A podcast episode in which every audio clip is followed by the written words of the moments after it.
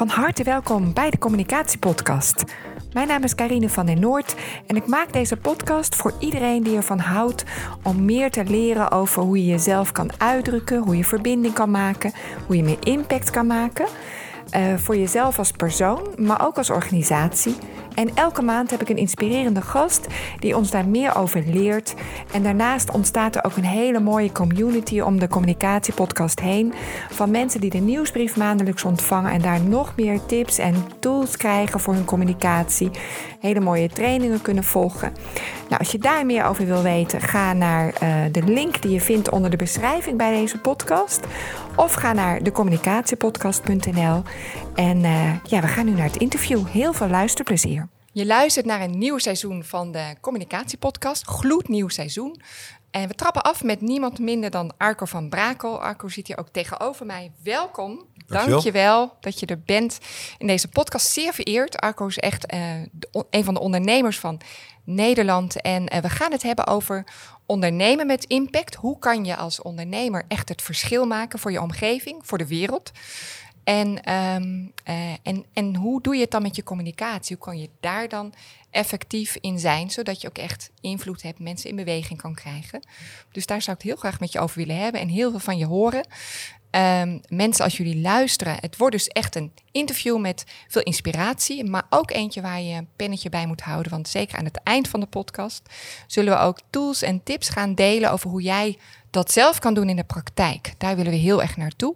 Dus blijf absoluut luisteren een half uur naar deze inspirerende uh, man die hier tegenover me zit en die een hele lijst heeft um, op Google. Als ik even op jou uh, zoek, uh, Arco, dan, dan heb ik gewoon hele bio van ondernemende zaken, ondernemingen die jij uh, hebt, uh, hebt opgericht uh, de afgelopen jaren. Ik denk dat iedereen jou ook zo echt zal kennen als een ondernemer. je bent een medeoprichter van die, een van de eerste commerciële internetbedrijven van ons land, Euronet. Um, daarna een hele reeks ondernemingen, directeur geweest van de Baak. oprichter van internationaal opleidingsbedrijf Semco Style Institute. En een bestseller-auteur van ondernemersboeken. En op dit moment directeur hier in deze regio, de Cleantech regio. Ja.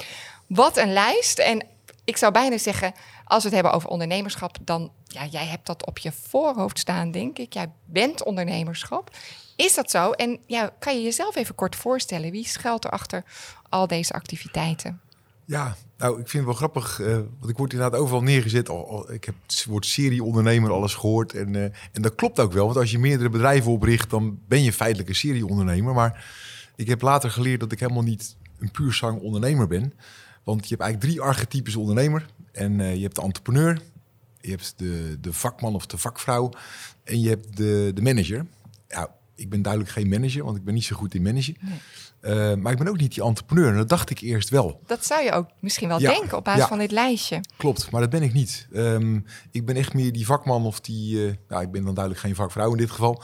Uh, maar um, dat vakmanschap, dat zit het mij vooral in dat ik het echt heel erg leuk en belangrijk vind. En ik ben er denk ik ook goed in om te zorgen dat mensen de veiligheid voelen om echt dat te doen waar ze goed in zijn. Ja. En daarom vind ik het eigenlijk veel leuker om bijvoorbeeld een training te geven... Uh, of, of, een workshop te geven of een klein team uh, mee te nemen, dan dat ik nou per se de zoveelste grote onderneming wil bouwen. Ik sta dus echt in de fik om dus mensen uh, te stimuleren om het allerbeste uit zichzelf te halen en om daar grotere dingen mee te realiseren. In de fik? Ja, ja, dat, ja. ja dat vind ik een mooi woord. Dat je... je... ja, dat je gewoon niet kan wachten om s morgens te beginnen. Ja. ja. en ik zou dus niet bijvoorbeeld, met alle respect voor degene die het wel goed kunnen, want het is ook een kwaliteit. Uh, ik zou dus geen kopieerapparaten kunnen verkopen. Um, het moet wel ook betekenis hebben. Ja. Dus ja. daarom zie je ook dat waar het bij mij goed is gegaan met mijn ondernemerschap. Het was altijd het moment dat we aan het surfen waren op een grotere golf. Een golf die de wereld ging veranderen. Uh, met, met Euronet was dat echt die, die internet hype eigenlijk waar we op zaten. Maar dat was niet alleen een hype, het was ook echt een, een ontwikkeling die echt letterlijk het aanzien van de wereld heeft veranderd. Hè? Kijk ja. maar hoe wij met z'n allen nu communiceren vergeleken met 30 jaar geleden. Dat is totaal veranderd. En wat betekent dat dan voor jou, voor je organisaties? Wat betekent dat voor de manier waarop je met elkaar omgaat? Nou ja, alleen al het thuiswerken was niet mogelijk geweest zonder internet.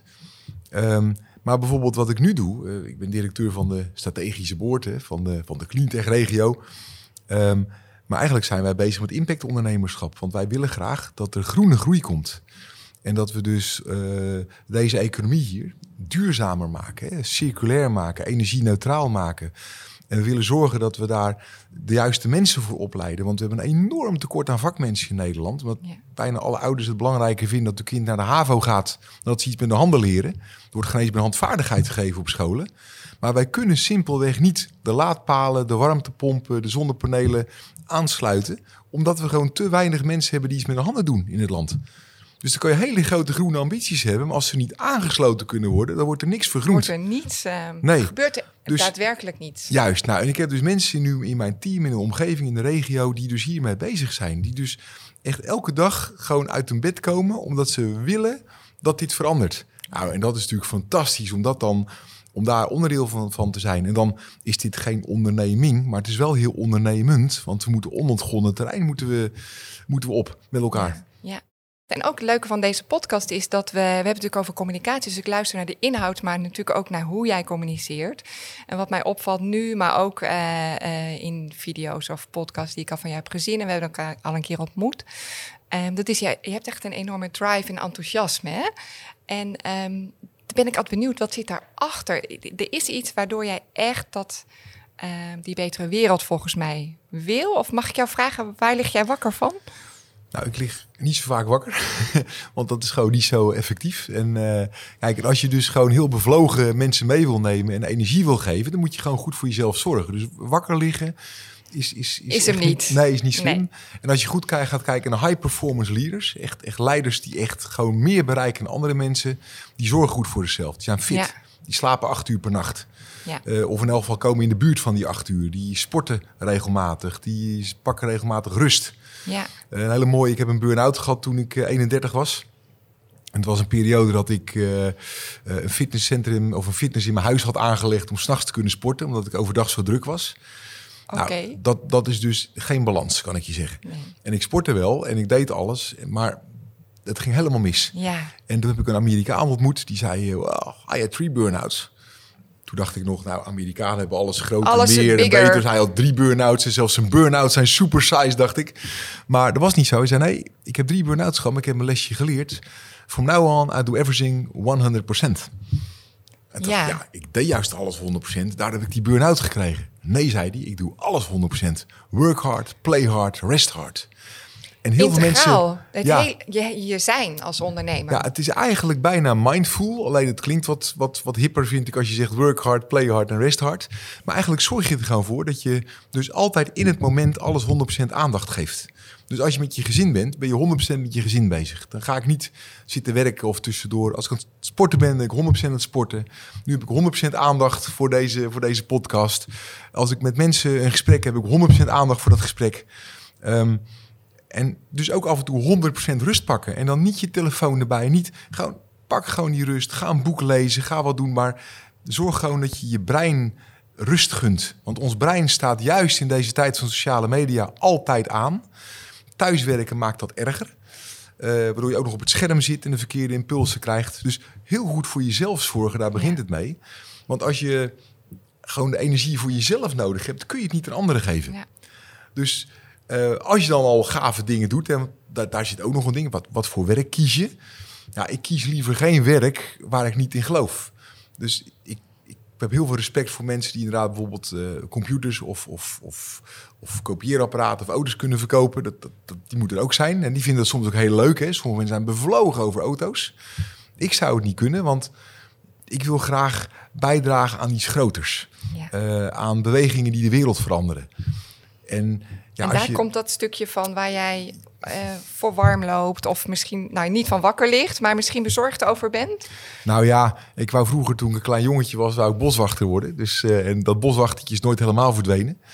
Um, ik, ik vind het gewoon heel erg belangrijk om goed voor onze omgeving te zorgen. Want ja. um, wij zijn de super predator, zeg maar, op deze wereld. En uh, we maken veel kapot. Dus we hebben een verantwoordelijkheid. En als we niet uitkijken, dan, dan, dan, dan maken we ook onszelf kapot. Hè? De aarde zal het uiteindelijk wel overleven, eh, maar wij niet. Maar wij niet. Nee. En heel veel soorten ook niet op de wereld. En wat ik dan zo leuk vind om te zien, en dat is niet iets wat ik graag wil, geen wishful thinking wat ik nu ga zeggen, maar ik zie het ook echt in mijn omgeving, dat alle kennis, alle techniek, alle wetenschap, alle ideeën om de wereld op een duurzame manier uh, te bewonen zonder dat we hoeven te minderen, zonder dat we hoeven te consumeren als mensen, is aanwezig. Maar wat zit ons in de weg? Uh, verslaving aan oude businessmodellen, verslaving aan oude machtspatronen en verslaving aan oude symbolen van, van, van status. Terwijl uh, als we dat nou zouden kunnen veranderen, als we nou eens zouden kunnen kijken wat het nieuwe meer is. Hè? Want wij mensen willen altijd meer. Um, maar als we dat, dat meer nou eens op een andere manier invullen. Ik hoor nu al mensen praten, we moeten klimaatlockdowns gaan doen. Nou, ik hoop het niet. Dat is namelijk niet nodig. Maar als we bijvoorbeeld, heel leuk, ik zit sinds ik de directeur van de Cleantech-regio ben, zit ik ook in de, in de Agro-innovatieraad. Nou, dat is een van de meest inspirerende dingen die ik in jaren heb gedaan. En dan zie je dus dat je, als je de landbouwsector anders inricht, dat je in staat moet zijn om de landbouwbodem, dus de bodem die wordt gebruikt voor veeteelt en voor landbouw, om die anders in te delen. Waardoor die 365 dagen per jaar levend blijft. Nu hebben we de landbouw ingericht als een industrieel proces. Ja. we hebben maïsplantjes die keurig in een rijtje staan. Er ligt eh, meer dan 50% van het jaar ligt de grond braak, waardoor die dus dood is. Maar op het moment dat je de grond levend houdt, dus niet omploegt, maar de wortels erin houdt en levend houdt. En je gaat moderne technologie inzetten om vier oogsten per jaar op die grond te krijgen. Dan hou je de bodem levend. Als je dat overal ter wereld doet. En je gaat de veeteelt niet scheiden van de landbouw. Maar je gaat het vee eens laten rondlopen over die gebieden. En je plant dat, zodat ze het op een natuurlijke manier bemesten. Dan ben je dus in staat om binnen één generatie alle CO2 die we in de lucht hebben gespoten als mensen, weer in de grond terug te krijgen. Ja, ja, waanzinnig. Ja. Het probleem is dat alle landbouwbedrijven met schaalvergroting hebben gewerkt, met grote, grote subsidies van de overheden.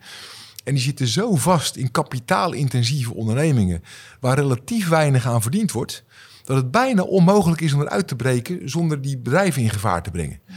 Nou, en daar zou je dus als overheden en ondernemers en onderwijsinstellingen, waar ik verantwoordelijk voor ben hier in de regio, bijvoorbeeld uh, iets in kunnen doen. Dat je dat patroon doorbreekt. Dat je dus die onrendabele start die je eventueel hebt, wegneemt. Waardoor boeren en andere uh, landbouwbedrijven andere businessmodellen kunnen toepassen. Ja, en dat is ook, en daar komt dat vakmanschap van jij terug, wat je in het begin zei. Van, Dat je echt um, heel erg uh, juist bezig bent met hoe kan je mensen meekrijgen en het samen doen. Ja, en nou, dat dit lukt alleen maar samen. Want je hebt er dus ander consumentengedrag voor nodig. Je hebt ander ondernemerschap nodig, andere businessmodellen, allerlei leiderschapsmodellen. Banken moeten mee. Dus het is een best, het is een, het is een wicked problem. Het een complex probleem. En dat kan alleen maar als je dus over de sectoren heen durft samen te werken. Nou, dan komt eigenlijk uh, ja, mijn, mijn, mijn, mijn levensvisie eigenlijk naar voren, die ik als internetondernemer echt heb leren ontwikkelen. Hoe ga je nou een community mobiliseren? En hoe ga je nou zorgen dat alle leden van de community, of het nou bankiers zijn, of het nou landbouwers zijn, of het ambtenaren zijn, of het onderwijsmensen zijn, studenten, hoe ga je nou zorgen dat mensen zich vrij en veilig voelen om dit soort keuzes te maken? En hoe ga je zorgen dat het ook financieel kan? dat zijn sociale innovaties die we nodig hebben. Is mogelijk, maar het lukt alleen maar als je alle partijen bij elkaar brengt. En ehm, niet te veel ego's daarin, hè? want die ego's die kunnen dat in de weg zitten. Nou, dat, dat is wat ik hier probeer. En op kleine schaal lijkt dat nu te lukken in onze regio. Heel tof. Dus eigenlijk zeg je, de regio is een soort van kleine maatschappij hier... waar we dit aan het uitproberen en met elkaar aan het ontdekken zijn. Ja, ja, absoluut. En, en ik kan me voorstellen, ook als je luistert, en ik ga hier heel erg op aan, dat je zegt van ja, je kan met je ondernemerschap en met je vakmanschap ook echt bouwen aan een betere wereld en nieuwe tools ontdekken. Zou je ons een paar tools willen aanreiken en dan een beetje in de hoek van communicatie natuurlijk, van hoe, hoe doe je dat nou? Want ik geloof ook absoluut dat het gesprek met elkaar nodig is. Maar je wilt ook geen Poolse landdag. Je wilt ook niet. Dus stel nou, je bent hier met een project bezig in de regio. Hoe, uh, ja, hoe, hoe pak je het dan aan? Heb je een, een bepaalde methodiek of, of doe je het gewoon heel organisch? Nou, wel organisch, maar ook wel bewust uh, organisch. Uh, eigenlijk organisch is niet dat alles vanzelf gaat. Hè? Dus dat, dat moet je. Niets gaat namelijk vanzelf. Overal moet je je best voor doen. Dat is, dus er is niks wat vanzelf zomaar lukt.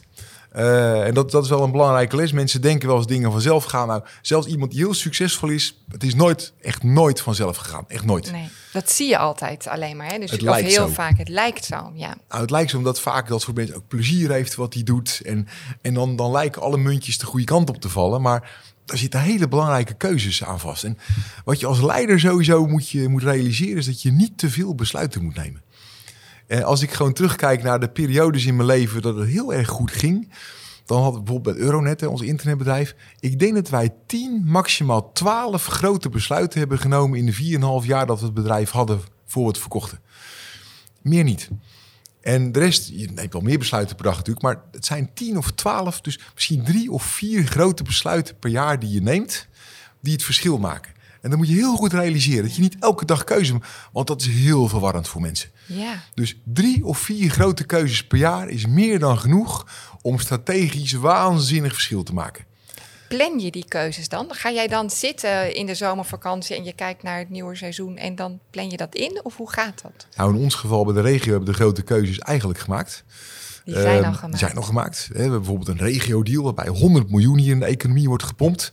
Nou, dat erin pompen is één ding, maar het begeleiden, dat al die projecten, al die programma's gaan lopen, dat zijn allemaal ondernemers hè, die er mee bezig zijn. En ja, dat moet gewoon goed begeleid worden. Dus wij, hè, wij moeten daar gewoon een succes van maken. Dus daar zijn we echt wel drie, vier jaar mee bezig. Dat is onze allergrootste prioriteit. Als we dat niet goed doen, dan zijn we weg. Dus we weten gewoon dat je sommige dingen heel goed moet organiseren en regelen. En dat je, dat je daar even mee bezig bent. De tweede is daarop voortbouwen. Dus we hebben iedereen in de regio betrokken. Dus ondernemers, eh, bewoners, eh, studenten, jonge ondernemers, eh, onderwijsmensen, raadsleden, ambtenaren, bestuurders, topondernemers.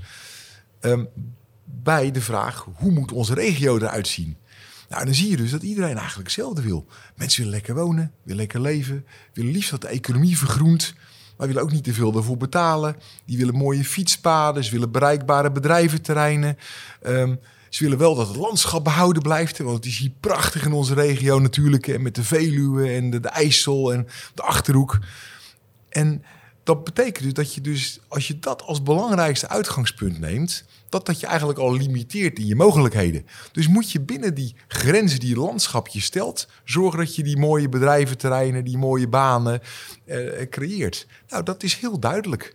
En net als die nieuwe, nieuwe agrariër die je net eigenlijk zei, met zijn landje en ja. zijn... Nou, dat past daar dus heel goed in. Want die, die nieuwe agrariër, als je dan het, landschap, het mooie landschap dat kan je zelfs nog mooier maken door dus inderdaad een nog gevarieerdere landbouw te maken. Het is beter voor de planeet en het is uiteindelijk ook nog een businessmodel wat zou kunnen werken. Dus je kan daar best wel dingen gaan combineren met elkaar.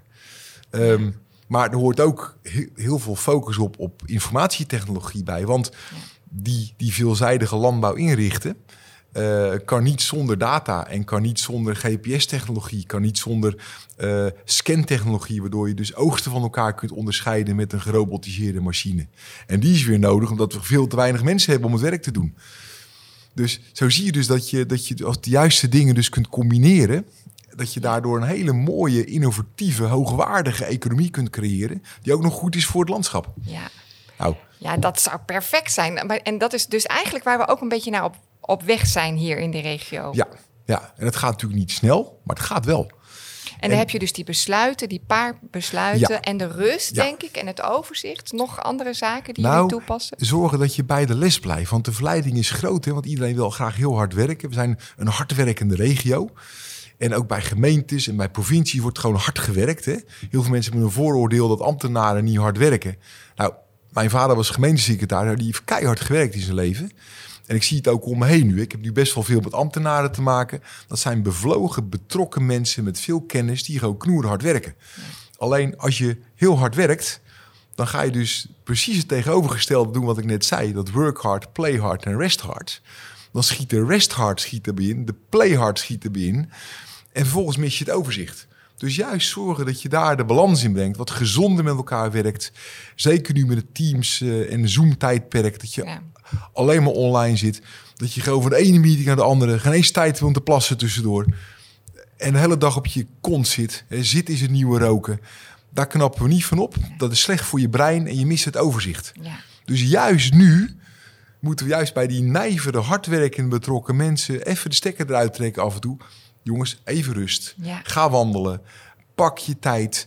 Zorg voor voldoende slaap. Ga even met je kinderen spelen. Ga met de hond lopen. En gun het brein even rust. Want daardoor gaan we veel te veel kleine besluitjes nemen die ons afleiden van de grote besluiten.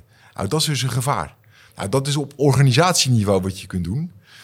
Uh, maar volgens mij vind jij uit vanuit communicatie ook interessant hoe je op andere manieren dit aan kan pakken. En dan heb ik een hele leuke die, die je eigenlijk, ja, eigenlijk gewoon waar je, waar je morgen mee kan beginnen. Die heb ik van een hele goede vriend van me geleerd, Robert Benninga.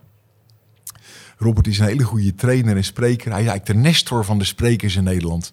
Hij is nu, uh, ik denk die binnenkort, hij is net 71 geworden volgens mij. Wauw, ik denk dat ik weet wat je gaat. De vijf eyes. Ja, ik zag een filmpje van jou daar ook. Ben heel benieuwd. Ja, hey, Robert die, uh, ik, ik, als spreker is belangrijk dat je goede evaluaties hebt. Hè?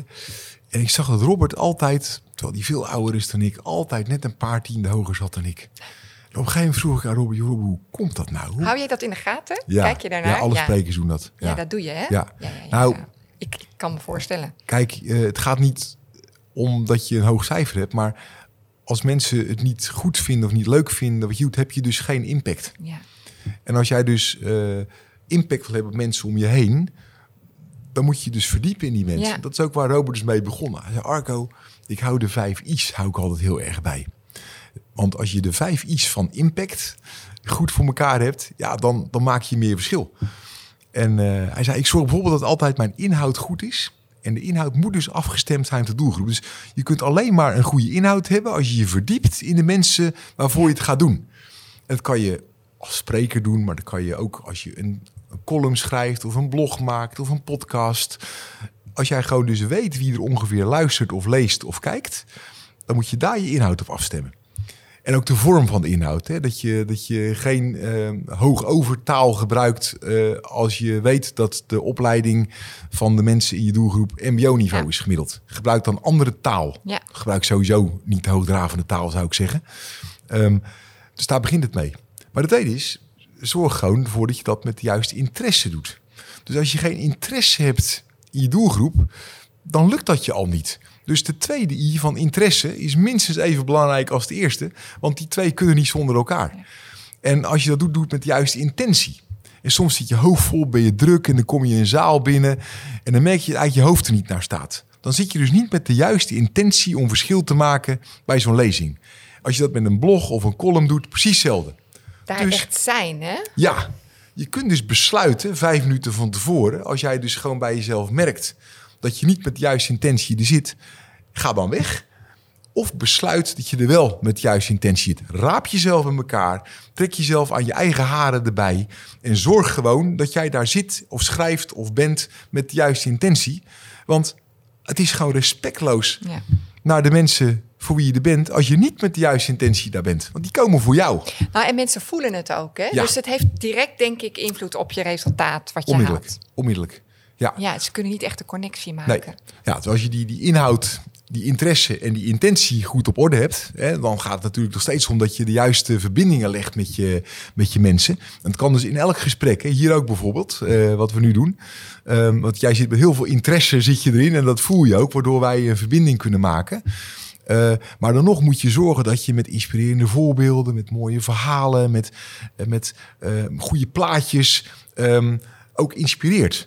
Uh, want een monotoon verhaal, of het nou een tekst is, een gesprek of, of een lezing of een training, dat werkt niet. Dus probeer van vorm te veranderen. Probeer uh, inspirerend te zijn door, door iets erin te brengen waardoor mensen op het puntje van hun stoel gaan zitten. En dat kan een vraag stellen, het kan een opdracht, het, kan, het is in elk geval een vormverschil in de manier van werken. Dus zorg altijd dat je variatie erin brengt. Dat is geen iets tweaken. Of ja, iets tweaken. Ja, en dat is met die, met die inspiratie. En zorg dat het interactief is. Dus dat het altijd een dialoog is. Of dat nou een, een online masterclass is of, of wat dan ook. Zorg dat er vormen van interactie in je communicatie zitten. Want ja, dan, dan ga je dus impact maken. Dus die vijf I samen, die zorgen voor de I van impact. Ja, en als je dat dan ook nog doet, en dat is misschien wel het allerbelangrijkste vanuit een heel duidelijke purpose, een heel duidelijk doel, een heel duidelijke beweegreden ja, dan krijg je de mensen wel mee. Ja. Ja. En, uh, dat is wel in, leuk is dat, want het is dus aan de ene kant heeft het heel erg met die drive en dat van binnen dat je iets echt wil. En tegelijkertijd hoor ik jou ook steeds zeggen van heel bewuste keuzes maken en technieken inzetten. Ook kijken van hoe score ik en dat steeds optimaliseren. Dus heel bewust bezig zijn met die impact. Is dat voor jou een way of life? Misschien als laatste afsluiten voor dit interview. Uh, is er iets um, wat je mensen mee wil geven? Uh, die hiermee aan het zoeken zijn, of die daar beter in willen worden, of hun bereik willen op, uh, opbouwen. Jij, jij hebt al een enorm bereik, dus je hebt eigenlijk al die stappen al gezet. Ja, wat zou je ze mee kunnen geven in, in de ervaring die jij hierin hebt opgedaan? Ja, wat ik heb geleerd eh, de afgelopen jaren is dat uh, doelen geven je heel veel richting. Die zijn dus heel belangrijk. Dus het, het, het hebben van een duidelijk doel. Dat is ook de nummer één succesfactor trouwens voor ondernemers, leiders, uh, topsporters, artiesten. Als je gewoon weet wie je wilt zijn en waar je heen wilt, dat is ongelooflijk belangrijk. Maar um, ik heb later geleerd dat dat doel weliswaar richting geeft, maar niet zorgt voor de verbinding. Maar de waarde van waar je uit je naar het doel werkt, die zorgen voor de verbinding. Kijk, ik kan een heel simpel voorbeeldje geven. Ajax en Feyenoord hebben allebei hetzelfde doel. Kampioen worden. Maar de waarden van de clubs zijn compleet verschillend, waardoor ze een compleet andere fanbase hebben. Dus de waarden zorgen voor de verbinding met de mensen die, die belangrijk voor je zijn. En daarmee kun je eigenlijk het verschil maken. Dus durf vanuit je waarde te praten, vanuit je waarde de verbinding te zoeken. Um, heel vaak hebben wij de neiging om al heel snel in de normen te schieten. Maar normen, die werken vaak beperkend. Hè? Dat je eh, bijvoorbeeld eh, heel, ja, heel normerend bezig bent. Met onmiddellijk gewoon met, met, met, met cijfers en doelen en targets. Nee, ja, dan maak je het eigenlijk te klein, dan maak je het narrow. Maar op het moment dat je dus vanuit je waarden, die juist verruimend werken, die tijdloos zijn, cultuurloos zijn, als je vanuit je waarden blijft communiceren, dan krijg je mensen mee. Hoe doe je dat in de praktijk? Um, wij bijvoorbeeld ik vind het heel leuk, uh, nu bij de Cleantech regio bijvoorbeeld, maar ook bij mijn bedrijf Semco Style Instituut. Uh, onze waarde bij Semco Style was make work awesome. En, want werk kan leuker, gezonder, beter, effectiever. En dan krijg je veel meer voor elkaar. En bij de Cleantech regio zetten we vol in op groene groei. Um, nou, dat is iets waar heel veel mensen in mee willen. Maar hoe doe je dat nou? Op die waarden die, die onder die groene groei liggen, waarbij je de planeet natuurlijk belangrijker maakt, waarbij je vakmensen centraal stelt, maar vooral waarbij je realiseert dat alle kennis die er nodig is om dit te doen, al aanwezig is bij onze mensen. Als je op die manier gaat communiceren, dan ga je vanzelf verbinden. En dan ga je niet meer jezelf promoten, maar dan ga je andere mensen ruimte geven om te groeien. Nou, dat is misschien wel de allergrootste kracht die je kunt hebben. Ben jij bezig met jezelf? Of ben je bezig een podium te creëren voor andere mensen?